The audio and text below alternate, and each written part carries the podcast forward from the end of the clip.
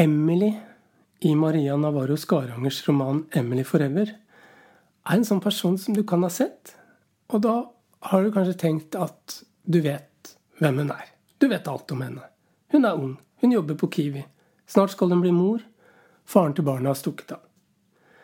Hun blir hele tiden betraktet av menneskene hun møter. De syns synd på henne, og de ser litt ned på henne. Selv har hun lite å si om hva som skjer.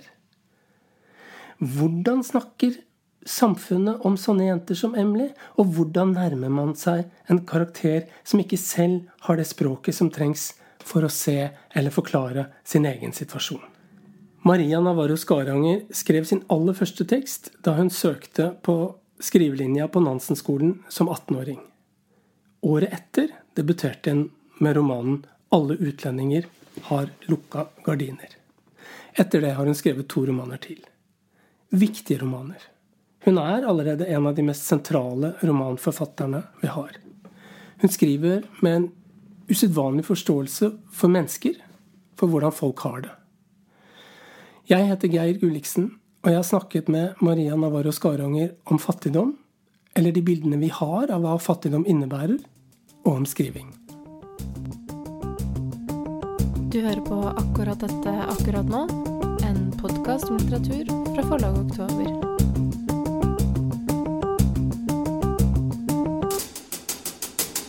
Hei, Maria. Hei. Du, hvordan fant du ut at du skulle bli forfatter? Oi.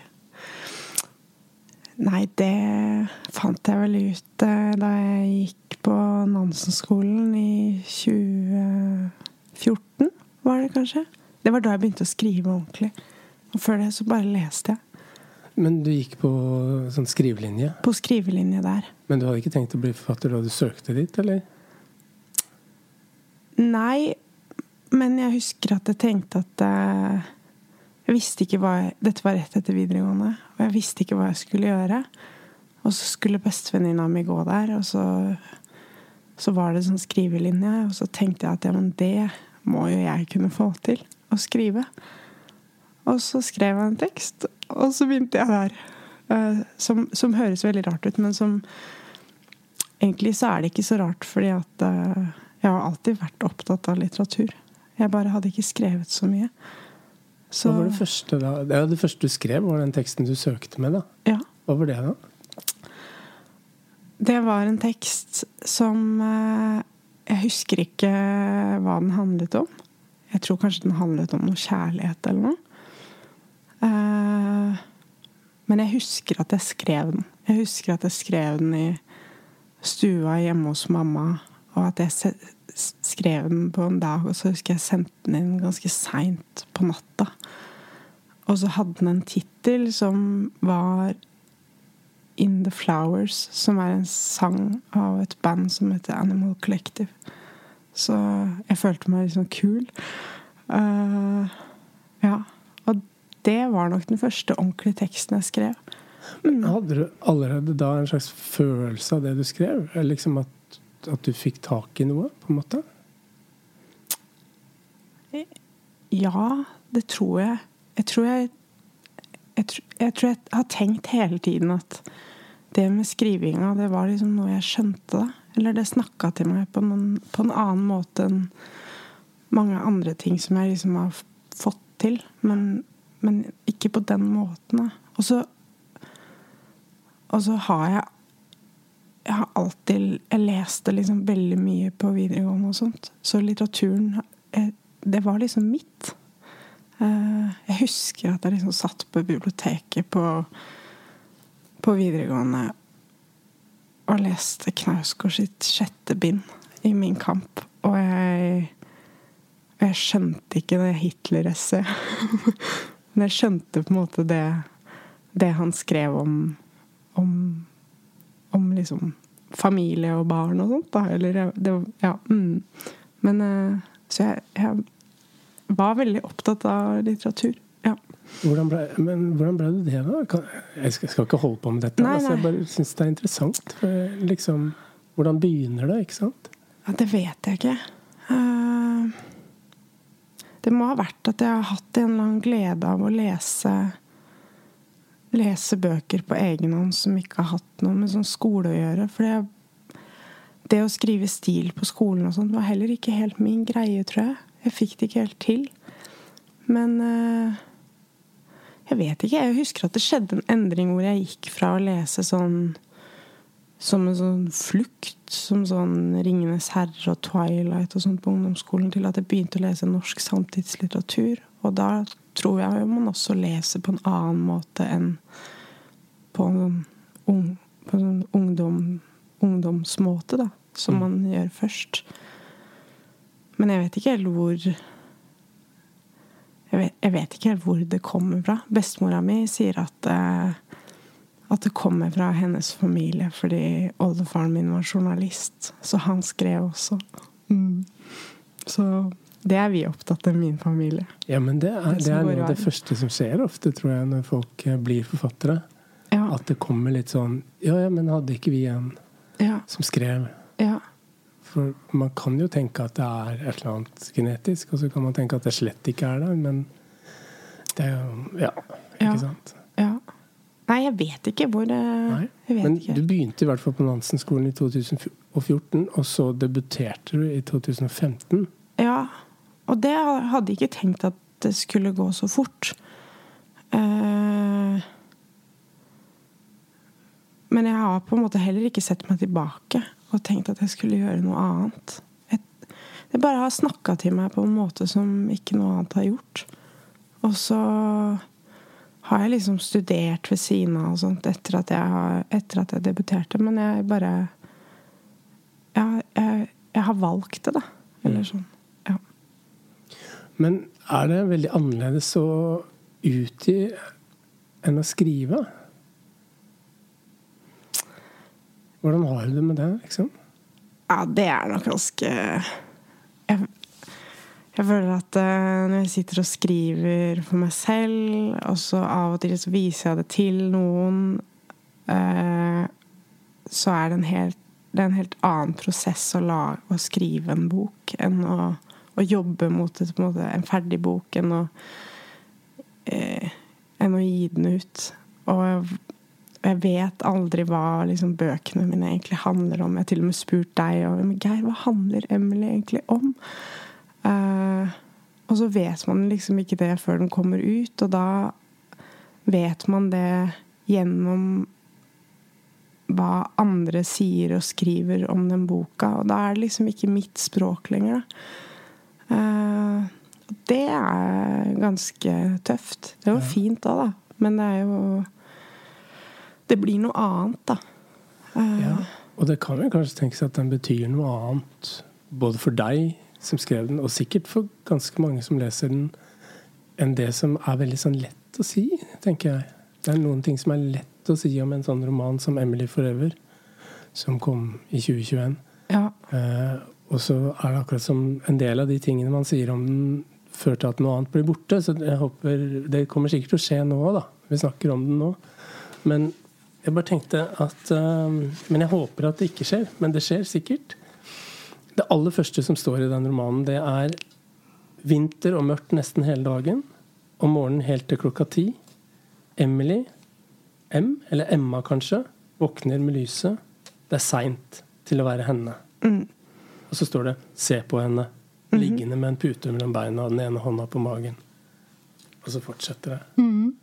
Var det liksom det første du skrev på den? Ja, det var ja. det.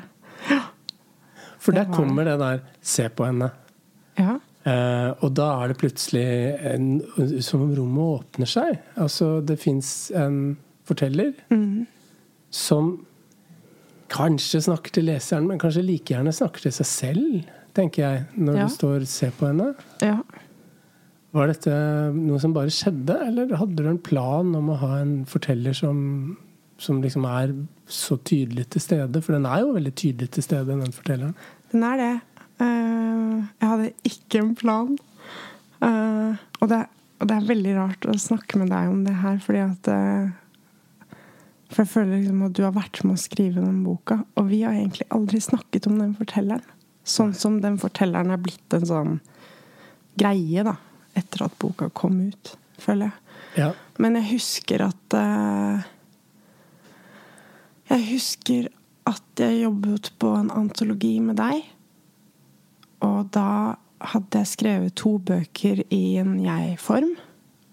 Og så kjente Jeg vet ikke, jeg trengte en eller annen distanse til det materialet som jeg på en måte alltid har jobba med. Da. Og så skrev jeg en tekst i en tredjeperson. Og så Det handla om en jente som bor i en leilighet eh, etter at faren er død, eller et eller annet sånt. Og så Og så skulle den i trykk og sånt. Og så var det noen rett før den på en måte ble ferdig, som sa at eh, ja, men her skifter den fortelleren. Her er ikke fortelleren Her har fortelleren fokus på en annen karakter enn den jenta. Og det stemmer ikke helt, eller det er noe Det skurrer, da.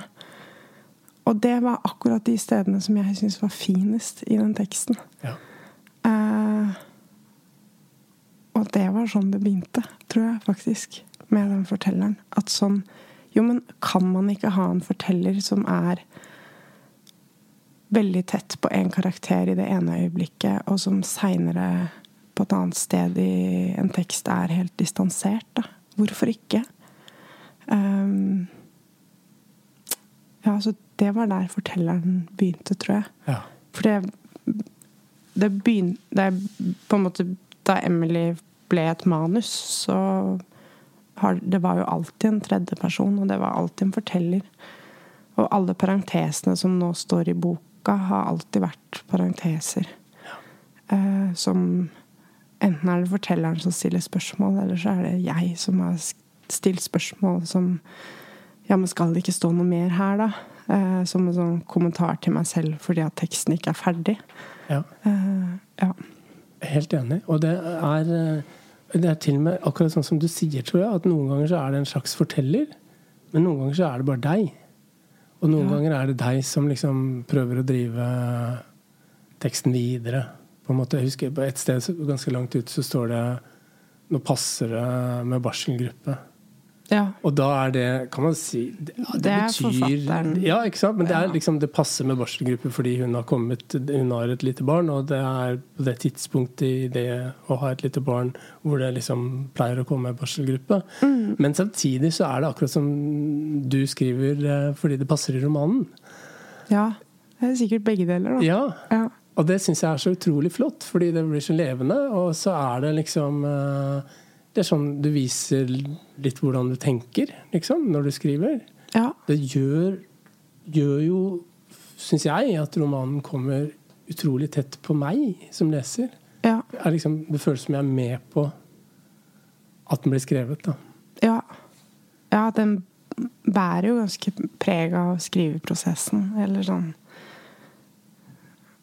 Ja, jeg tenker ofte at den er som sånn At man ser en sånn jente på T-banen, og så bare begynner tankene å spinne.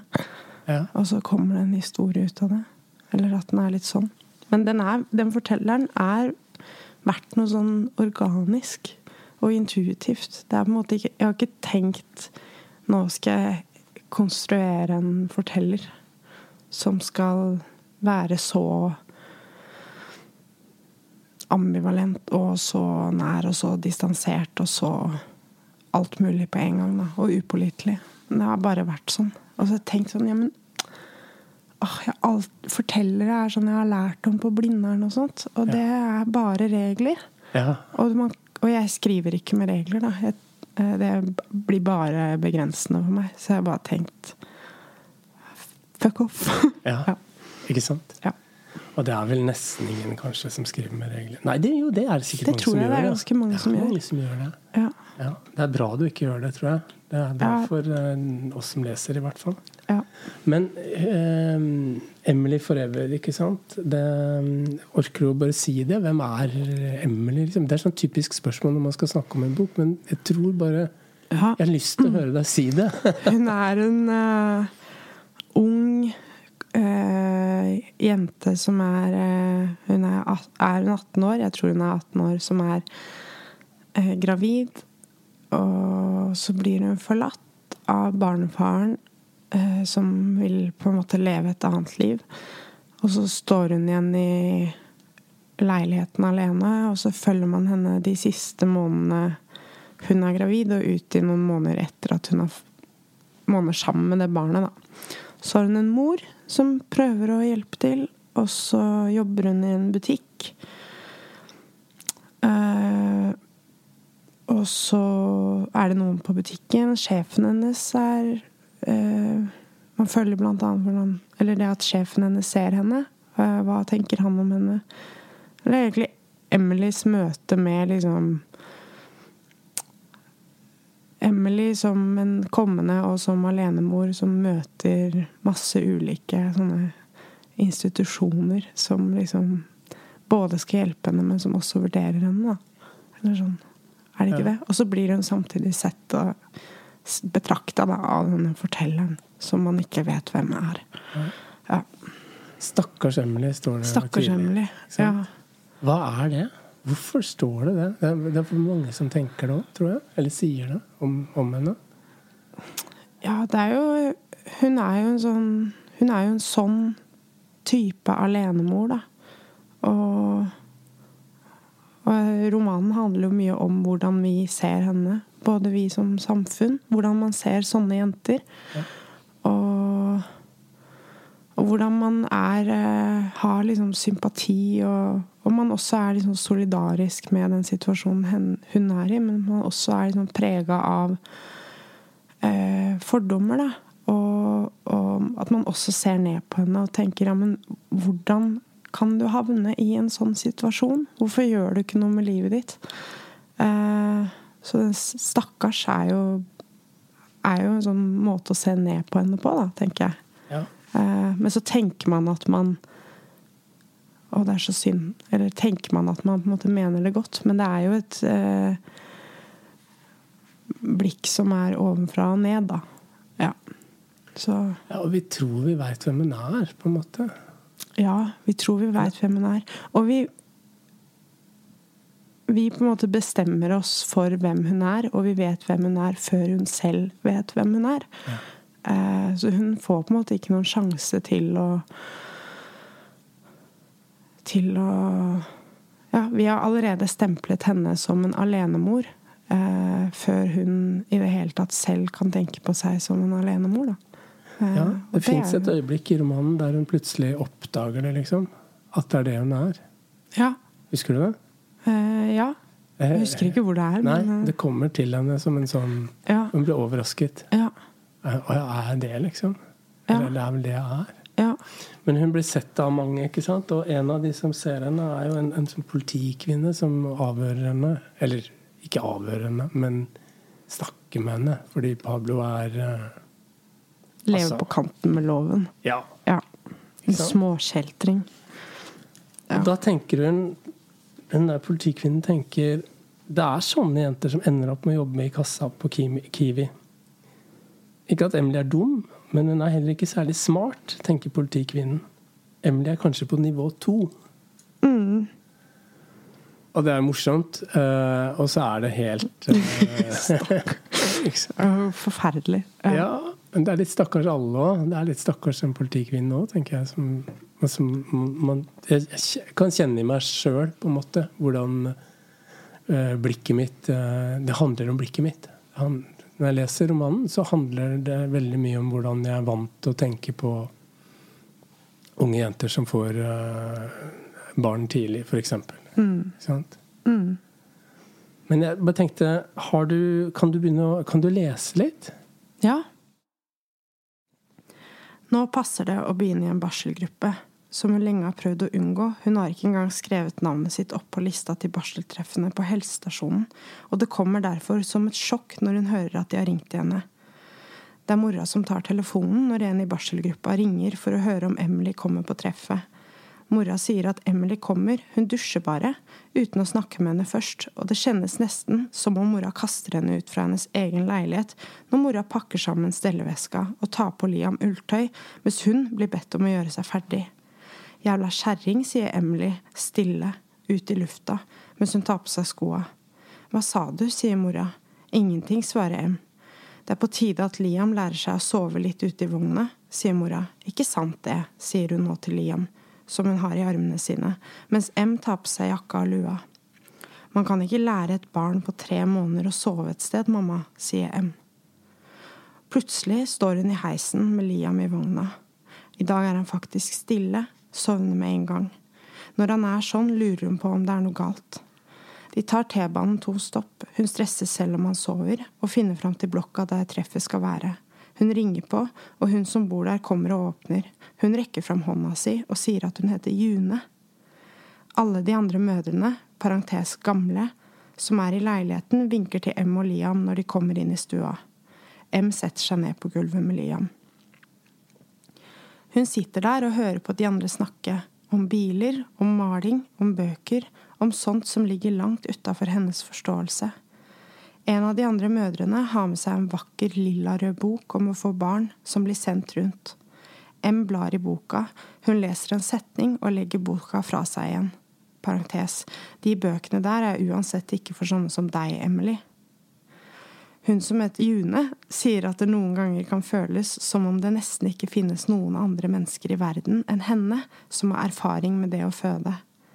En annen sier at hun føler seg så sterk fordi hun har født. Det er kake og kaffe og en salat.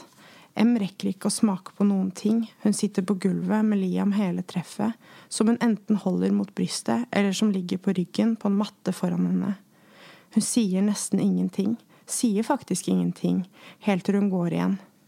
På vei hjem må hun kjøpe seg en pølse på Narvesen fordi hun holder på å dø av sult. Men du, de bøkene der er uansett ikke for sånne som deg, Emily, sier fortelleren. Ja. Eller sier noen. Ja, ja. Du eller fortelleren. Ja. Hva betyr det?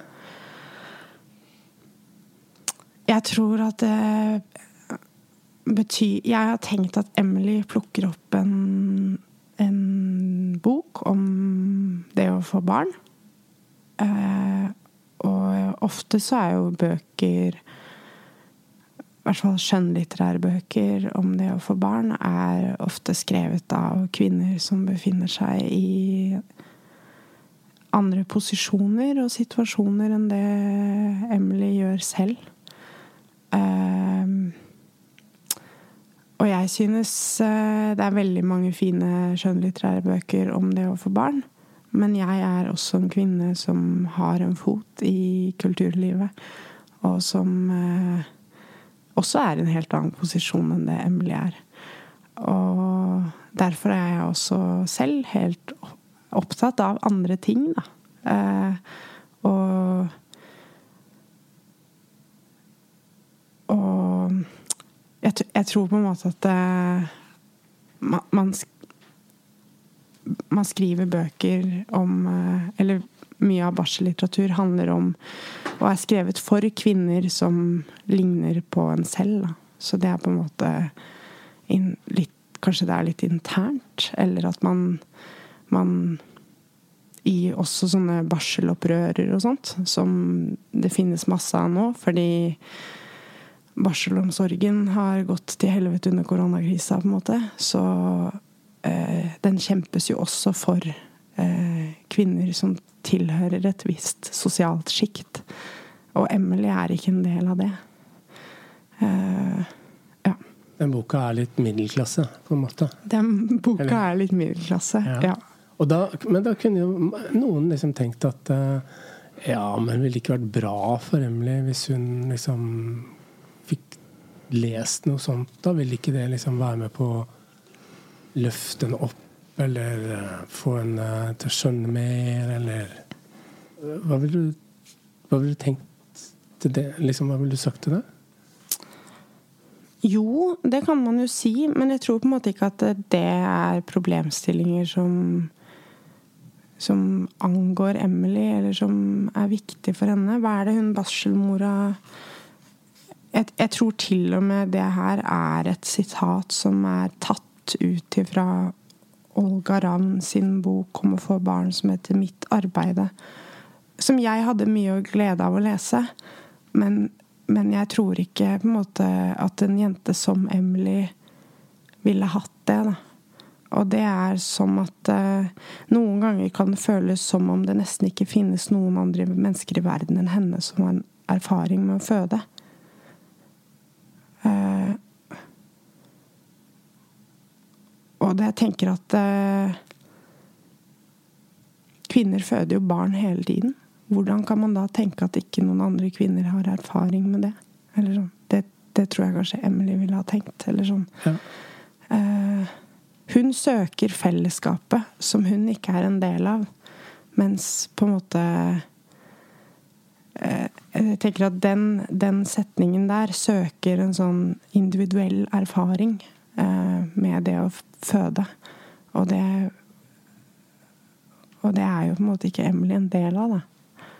Eh, Nei, hun er ikke del av den derre Liksom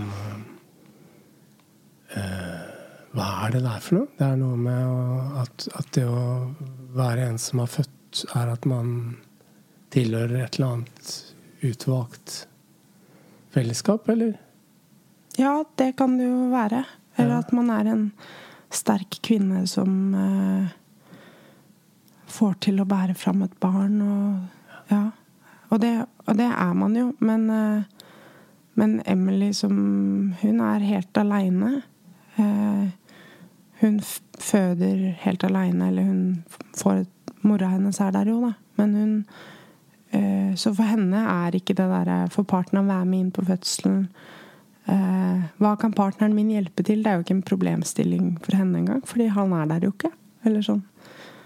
Eh, og, jeg, og jeg vet jo at det er mange kvinner som som som har det sånn som, som fin, er i sånne situasjoner som Emily. Men det er jo ingen som snakker deres sak, da. Eh, hvis noen kunne ha skrevet en bok som var liksom hvordan eh,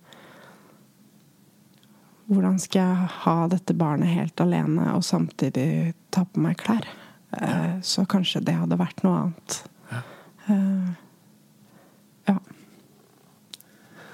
Det fins eh, På et tidspunkt så går hun på sånn kjøpesenter, og så Eller det gjør hun ofte, tror jeg. Mm, ja, ja. Det kan man jo gjøre. For det, det er en av de tingene man kan gjøre når man går rundt med vogn på den måten. Det er jo en av de tingene man gjør, ja, er det ikke det? Ikke sant? Ja. Eh, og så blir hun kjent med eh, en som Og det er også et sånt møte hun Alexa, ja. som også er liksom helt et helt annet sted. Eh, kanskje på samme måte som i det du nettopp leste om, om den boka. ja. Men det er Jeg har bare lurt på Jeg tror ikke kanskje det er mange flere som føler seg utafor det der eh, fellesskapet der, enn ikke, Man trenger kanskje ikke å være veldig ung og alenemor for å føle seg utafor det der fellesskapet som, som en sånn mødredyrking liksom kan innebære. Jo, det er sikkert veldig mange som føler seg utafor det. Og jeg tror man på en måte Jeg vet ikke. Når man har små barn og og sånn, så blir man jo hele tiden møtt med liksom Eller man møter jo hele tiden hvordan andre har sine små barn og sine familier. Og, og det er jo mer og mer sånn at man At det å få barn er liksom en del av det planlagte livet, da. Så først har du jobb, og så har du hus, og så pusser du opp huset ditt. Og så får du den ungen. Eh, så det er jo sånn, sånn skjema. Eh, og med en gang man ikke greier å fylle ut alle de boksene i det skjemaet, så ser man jo at eh, man lever et annerledes liv. Eller sånn.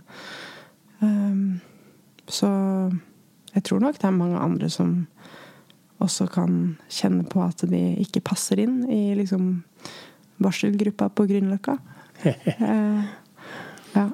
Og så er det noe med moren til Emily som er utrolig sterkt, syns jeg. Det er um, for, um, hun Og veldig ofte så kommer det der ordet barnevernet opp når moren til Emily tenker på ting. Mm. Det står et sted at hun pleide å stryke genseren og buksene til Emily fordi hun var redd for at barnevernet skulle komme og ta henne. Hva er det for noe? Nei, det, det er jo også I den verden de lever i, så så er man eh, litt på vakt overfor barnevernet, tror jeg. Eh, og barnevernet er en sånn reell liksom noen, noen det er på en måte Det er noen som kan komme inn, og så kan de bryte opp eller ta fra noe, eller Ikke sant. Det er noe man må forholde seg til. Og jeg tror på en måte at eh, Jeg vet ikke. Det, det er sånn den verden er. Og det er eh, Det er også sånn som jeg på en måte er oppvokst med. Jeg er ikke oppvokst med barnevernet, men jeg på en måte Jeg vet hva barnevernet er, og jeg har venner som har vært borti barnevernet og sånne ting. Og det, og det er jo bare sånn det er. Men jeg tror at for veldig mange kanskje det er liksom middelklassen, eller kanskje det er kulturmiddelklassen, eller den øvre middelklassen, så er det noe sånn fjernt. da. De vet ikke engang hva det betyr. Eh, sånn at eh, man er bare ikke vant med at det, at det også er en del da, av det å skulle skulle At det fins der som en sånn der, ja. slags uh, frykt, liksom. At du kan bli fratatt barnet ditt, ikke sant? Ja. ja det, det, er, det er sånn moren til Emily har hatt det, kanskje? Ja. ja. Ja. Og, det, og det, sånn er det jo um, Når man får et barn alene, og det ikke er noen en annen partner med, da uh, så er jo på en måte samfunnet mye mer på vakt i hvordan de skal på en måte stå der og bidra. Og hjelpe til hvis det er noe. Og barnevernet er jo en av de som kan bidra. Sånn at uh, Det er jo bare sånne ting man må forholde seg til. Er det ikke det? Jo, jo. jo. Antagelig. Eller jeg tror det. Ja. Uh, men, og så tror jeg kanskje det fins en sånn at veldig mange har kjent på det der når du får små barn, så får du besøk hjemme og sånn. Ja. Jordmor også. Det beskriver du også utrolig bra.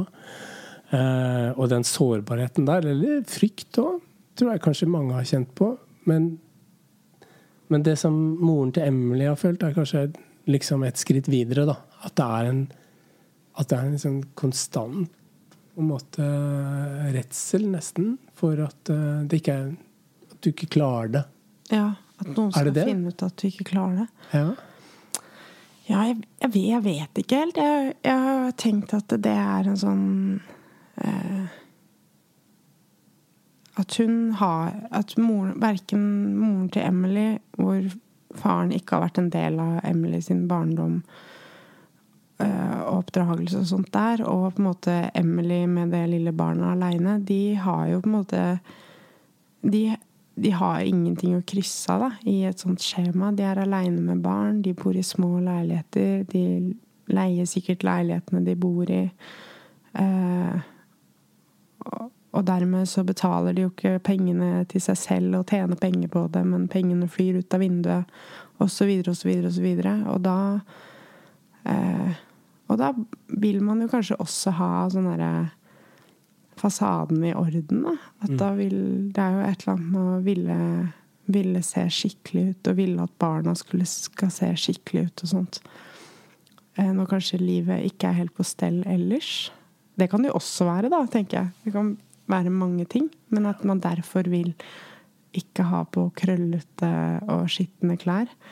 Eh, men, men heller stryke klærne. Eller ha ordentlig pålegg på brødskiva og ordentlig matpakke, så det ser ut som at hun At man har ting i orden, da. Ja. ja. ja. Det er en enorm sårbarhet som stiger ja, fram i de beskrivelsene. Der. Det er jo det. Ja. ja. Men har det noe med Det der ordet 'fattig' kommer iblant, ikke sant? I den romanen. Ja. Um, bare ett sted, et av de første stedene, er bare når hun ligger og sover, tror jeg, og, og ser, ser, fattig ut. Lukker øynene og ser fattig ut. Ja. Men så kommer det noen ganger um, tenk, Tenker du at det du beskriver, er en form for fattigdom? Ja, det tenker jeg jo fordi at uh Emily befinner seg i en situasjon hvor hun ikke har så veldig mu mange muligheter. til å gjøre noe med den situasjonen hun befinner seg i. Hun kan ikke bare være sju måneder høygravid og begynne på Blindern eller uh, Så hun er på en måte ganske fanga, da. Og hun lever et begrensa liv. Um, og hun har ikke så veldig mange ressurser. Hun har den mora si da, som kommer og stiller opp, uh, og som hjelper mye. Uh, og maser og, og maser og, gjør det helt umulig, samtidig som hun hjelper til. Ja, ikke sant? Um, og det å leve et så begrensa liv tenker jeg jo at handler om fattigdom. Uh, og så er det det at hun Hun lever det livet, og hun står i den krisen hvor Pablo går ifra henne. Og hun skjønner ikke helt hvor krise det er selv. Og hun skjønner ikke helt hvem hun er i ferd med å bli. Men alle vi andre skjønner det jo. Mm. Politikvinnen som hun er i møte med, ser det. Og helsesøsteren ser det, og jordmora, og leseren og fortelleren. Eh, men hun har ikke det språket om sin egen situasjon. Hun lever et ensomt liv, og det tenker jeg handler om sånn indre fattigdom. Så det er også fattigdom, da. Eh, jeg syns liksom at det, en sånn ja, en sånn indre fattigdom som handler om språk, da, og det å ikke ha språk, et språk for sin egen situasjon Jeg syns på en måte det var mer fruktbart enn enn å skrive om liksom faktisk sånn pengefattigdom helt konkret. Da. At hun ikke har råd til å kjøpe, et, kjøpe ost, liksom. Eller sånn. Um, jeg, jeg, fikk ikke det til å bli, bli så veldig pent i teksten. Eller så uh, men, uh, men, det er nok en sånn indre fattigdom som jeg Ja, jeg, jeg har liksom sagt det selv, da. At, at det er det. Ja. ja. Det kjenner man veldig godt når man leser, syns jeg. Det er uh en veldig viktig del synes jeg, av erfaringen med å lese den romanen, egentlig. Ja. ja. Og jeg tror også på en måte at det er et hun? Og hun bor i den blokka hvor det bor masse folk i oppgangen hennes. Og det bor til og med folk i oppgangen hennes som ser på henne, og som liker henne, og som er betatt av henne, men som på en måte Men de kommer på en måte ikke helt inn, da. Så de blir ikke den naboen som er betatt av henne, blir jo på en måte ikke en del av livet hennes. Eh, og jeg tror at det, måte, det, er vanlig å leve så eh, Så likevel så ensomme liv, selv om det på en måte finnes folk rundt. Da. Og selv om man, og særlig liksom i en sånn drabantby hvor hun er plassert, så er det jo de derre Det er masse mennesker rundt i de blokkene, mm. og likevel så er det så ensomt. Jeg syns på en måte det er fint, da. Jeg så den La det rette komme inn, den filmen, svensk film, eh, for ikke så lenge siden, som handler om barns ensomhet. Eh, og at de barna er ensomme iblant de derre vinterkledde drabantbyblokkene i Sverige. Og det å være barn og være ensom, det er en sånn veldig spesiell ensomhet, da. Men jeg det var veldig sterkt, da. Eh, også på en måte gjenkjennelig. Ja. Mm. Nesten alle, ikke nesten alle, men veldig mange tenker også om Emily at er hun dum, liksom? De spør, de spør seg selv om hun er dum. Ja, man spør jo Det jeg også har tenkt det. Jeg har jo tenkt sånn, ja, men Gjør noe med livet ditt, da. Ikke bare gå der hver eneste dag og enten du triller på det kjøpesenteret, eller at hun jobber i den butikken, og hun har vondt i ryggen og bekkenet, og hun skjønner ikke engang at hun liksom kan sykemelde seg, da. Eh, jeg blir, jeg blir skikkelig provosert og, og, irritert av det. Men så Men jeg tenker jo også Ja, er hun dum? Eller er det på en måte vi som har for mange forventninger til hvem hun skal være, da? Eh, fortelleren spør sånn Hva elsker Emily? Og Emily elsker å se på TV. Og hun elsker å sminke seg. Ja. Og for oss så er det kanskje vi, vil, vi krever mer. At hun har mer innsikt i sitt eget liv. Men hun er jo også 18 år, da. Ja. Og, Og jeg kan se på liksom mine sånn dagbøker fra da jeg var liksom, Da var jeg kanskje elleve år, da. Men da står det sånn Jeg elsker å se på TV, og, eller sånn Ja. Hun er veldig ung, da. Hun er veldig prega også av at hun er så ung. Uh, og jeg tror også det gir henne en sånn Men det gir også en mulighet til at hun mest sannsynlig er noe annet seinere i livet sitt. Mm. At uh, At man følger henne den lille tida akkurat der. Og så vet man ikke Er det ikke sikkert det er sånn hun kommer til å leve for alltid? Uh, ja. Og denne lille tida, da elsker hun kanskje også Pablo? ja. Eller? Jo, hun gjør Det det. ser sånn ut. Det er en helt fantastisk kjærlighetshistorie. Fordi, syns jeg. Fordi, fordi jeg tenker akkurat som fortelleren at jeg skjønner ikke Jeg skjønner ikke hvorfor hun er tiltrukket av han. Og, men jeg skjønner at hun er det. Eller Ja. man blir det på en måte som leser òg, fordi det, man kjenner den der utrolige liksom lengselen hennes Helt uforståelige lengselen hennes. Ja. Ja, ja, ja. Den kjærlighetshistorien har vært veldig viktig for meg òg. Det er på en måte en jeg tenker ofte at dette er en bok om kjærlighet. Mm. Eller sånn men er han, da? egentlig? Han er, han er også ung, da. Eh, Men han eh, lever et eh, liv som er mer på kanten med loven. Så han er innblandet i noe sånn dopgreier. Og så og så går, Det er jo derfor han går fra henne, fordi han heller vil ha det livet. Eh, og han Han Jeg, han, jeg syns ikke han virker så veldig hyggelig, og sånn, men han virker på en måte sjarmerende når Emily blir forelsket i han. Eller sånn at han liksom Hva er det han gjør? Han hopper liksom over en bruskasse. jeg, synes, jeg ser det veldig for meg. da. Eh, men eh, jeg tenker jo på en måte at han Hva hadde skjedd med han om han skulle være en del av hennes liv med den ungen, da? At det er jo sånn fangenskap, da. Og han liksom søker sånn den ultimate friheten som, som ikke bare er å ikke leve med liksom kjæreste og barn, men som også er å liksom leve At han vil ikke forholde seg til loven, da. Så han bare Han er, han er jo Men han er ikke sånn tungkriminell. Han er mer sånn småskjeltring, tenker jeg. Uh, ja. Så han går liksom hjem på natta, og da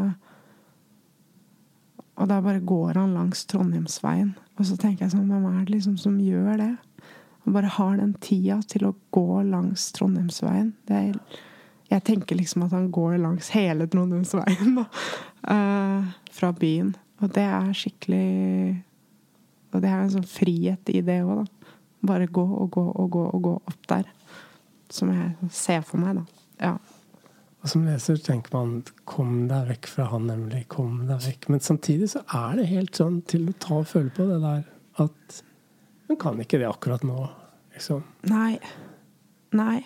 Og så er det jo et eller annet med at eh, Jeg tenker at Pablo er liksom Emily sin Han er den første kjærligheten. Og, de, og sånne første forelskelser og kjærligheter er jo så rare, for det er så intenst. Og så går det jo nesten alltid skikkelig dårlig. For det er jo gjerne når man er i den alderen, og til og med enda yngre, da. Eh, og så tror man liksom at det aldri skal gå over, og så gjør det jo det. Og jeg tror slutt, mot slutten av boka så står det også sånn Hun er i ferd med å slutte å elske han, men det vet hun ikke selv. Eh. Jeg tror jeg har lest et sted på internett at det tar liksom to måneder å komme over en forelskelse. Eller jeg husker at jeg leste det da jeg var i den alderen selv. Eh, mm. Høres lite ut, syns jeg. det syns jeg også. Det gir ikke mening. Men uh, så- ja, mm, Kommer an på, da. ja. Ja. Tiden er noe annet i den alderen, tror jeg. Hvordan var den tiden da du skrev denne romanen? Eh, Den var også eh, Jeg er blitt sånn veldig Jeg tror jeg jeg er blitt veldig effektiv. Jeg har selv barn. Og når hun er i barnehagen, da er jeg på jobb. Så, for det er bare den tida man har. Og det tror jeg på en måte har vært Så jeg har jobbet liksom kontinuerlig med Emily. Jeg har liksom jobbet hver dag i de tre årene, da. Og jeg begynte liksom dagen etter at eh, Jeg begynte ikke dagen etter at den andre boka mi kom ut, men jeg begynte veldig fort. Um, så det har vært sånn Ja, det har vært en sånn Jobbet jevnt og trutt. Ja. For meg ser det ut som du liksom har lekt frem hele romanen.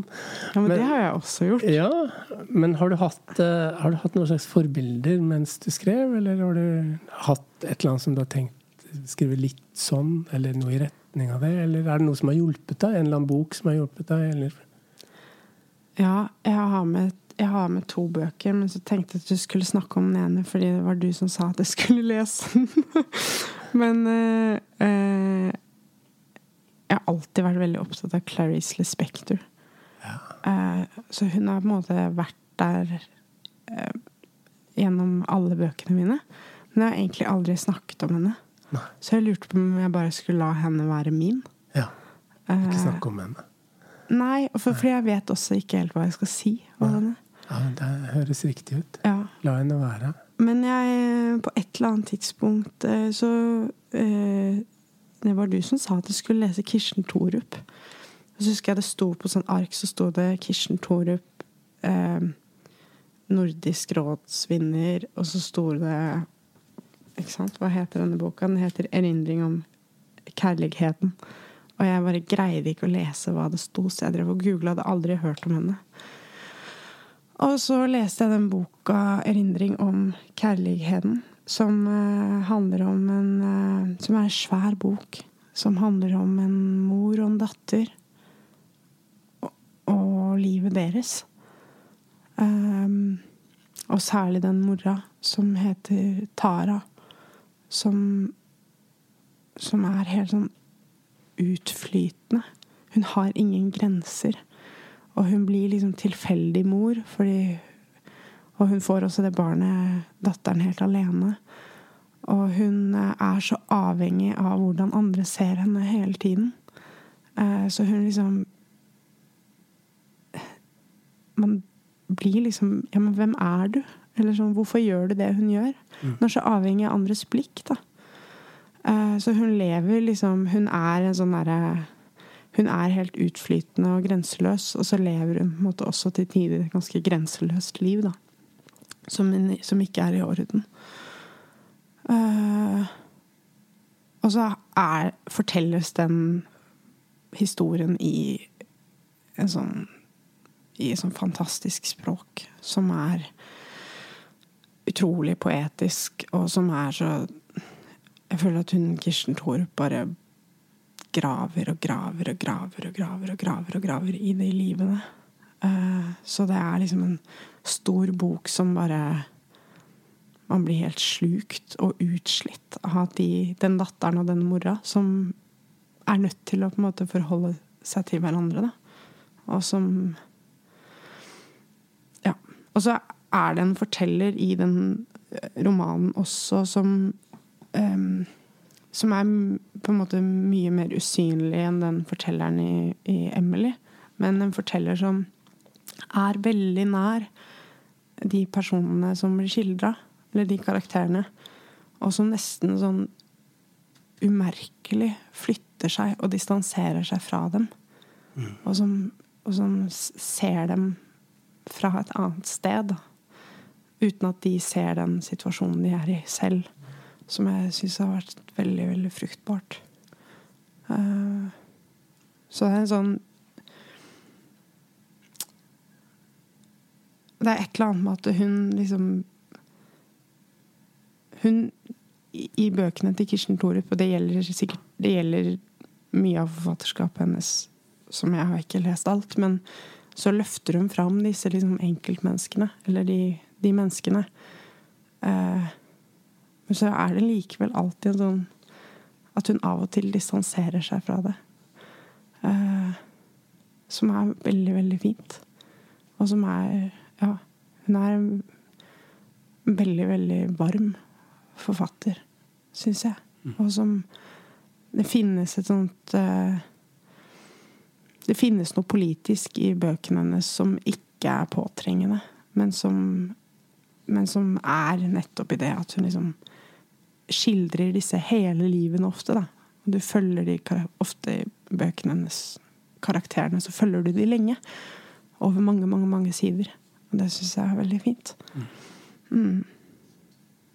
Får du Får du liksom mange Hvis du skulle gitt noen et råd for folk som skriver, eller vil skrive, Ja. hva ville du sagt da? Et råd. Ja?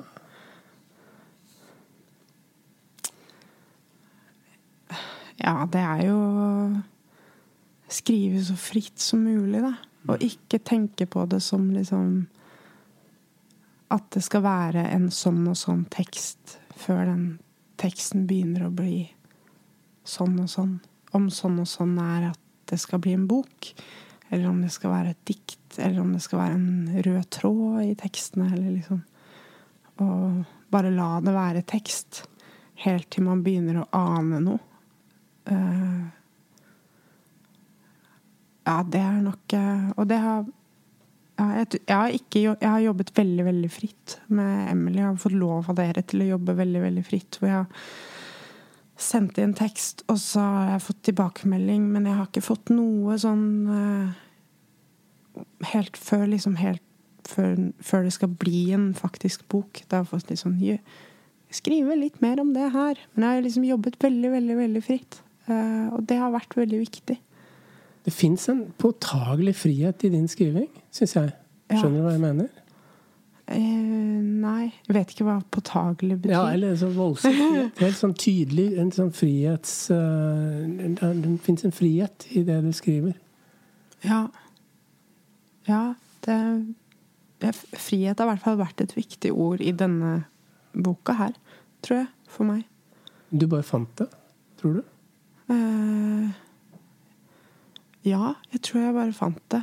Jeg tror jeg bare fant det i den det Både den fortellingen, men også at eh, Nei, den fortelleren, mener jeg. At den fortelleren gjør som den vil.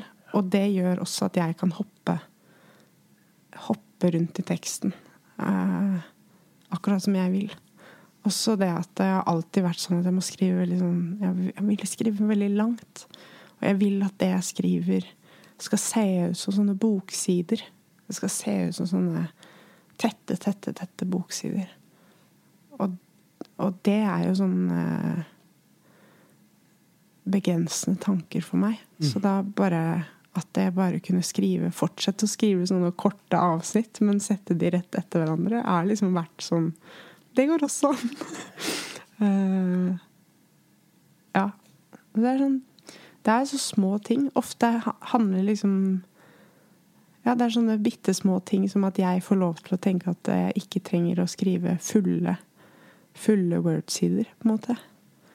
Men at det er lov med luft. Mm. Ja. Det er Jeg tror Emily Forever er en roman som nesten alle som skriver, skulle ønske at de hadde skrevet. det er så hyggelig. Ja. Det var veldig Ja, fint var, å snakke med deg om den. Tusen takk. Ja, det Det var snilt sagt. Bare sant. Lytt til flere episoder av akkurat dette akkurat nå, der du hører på.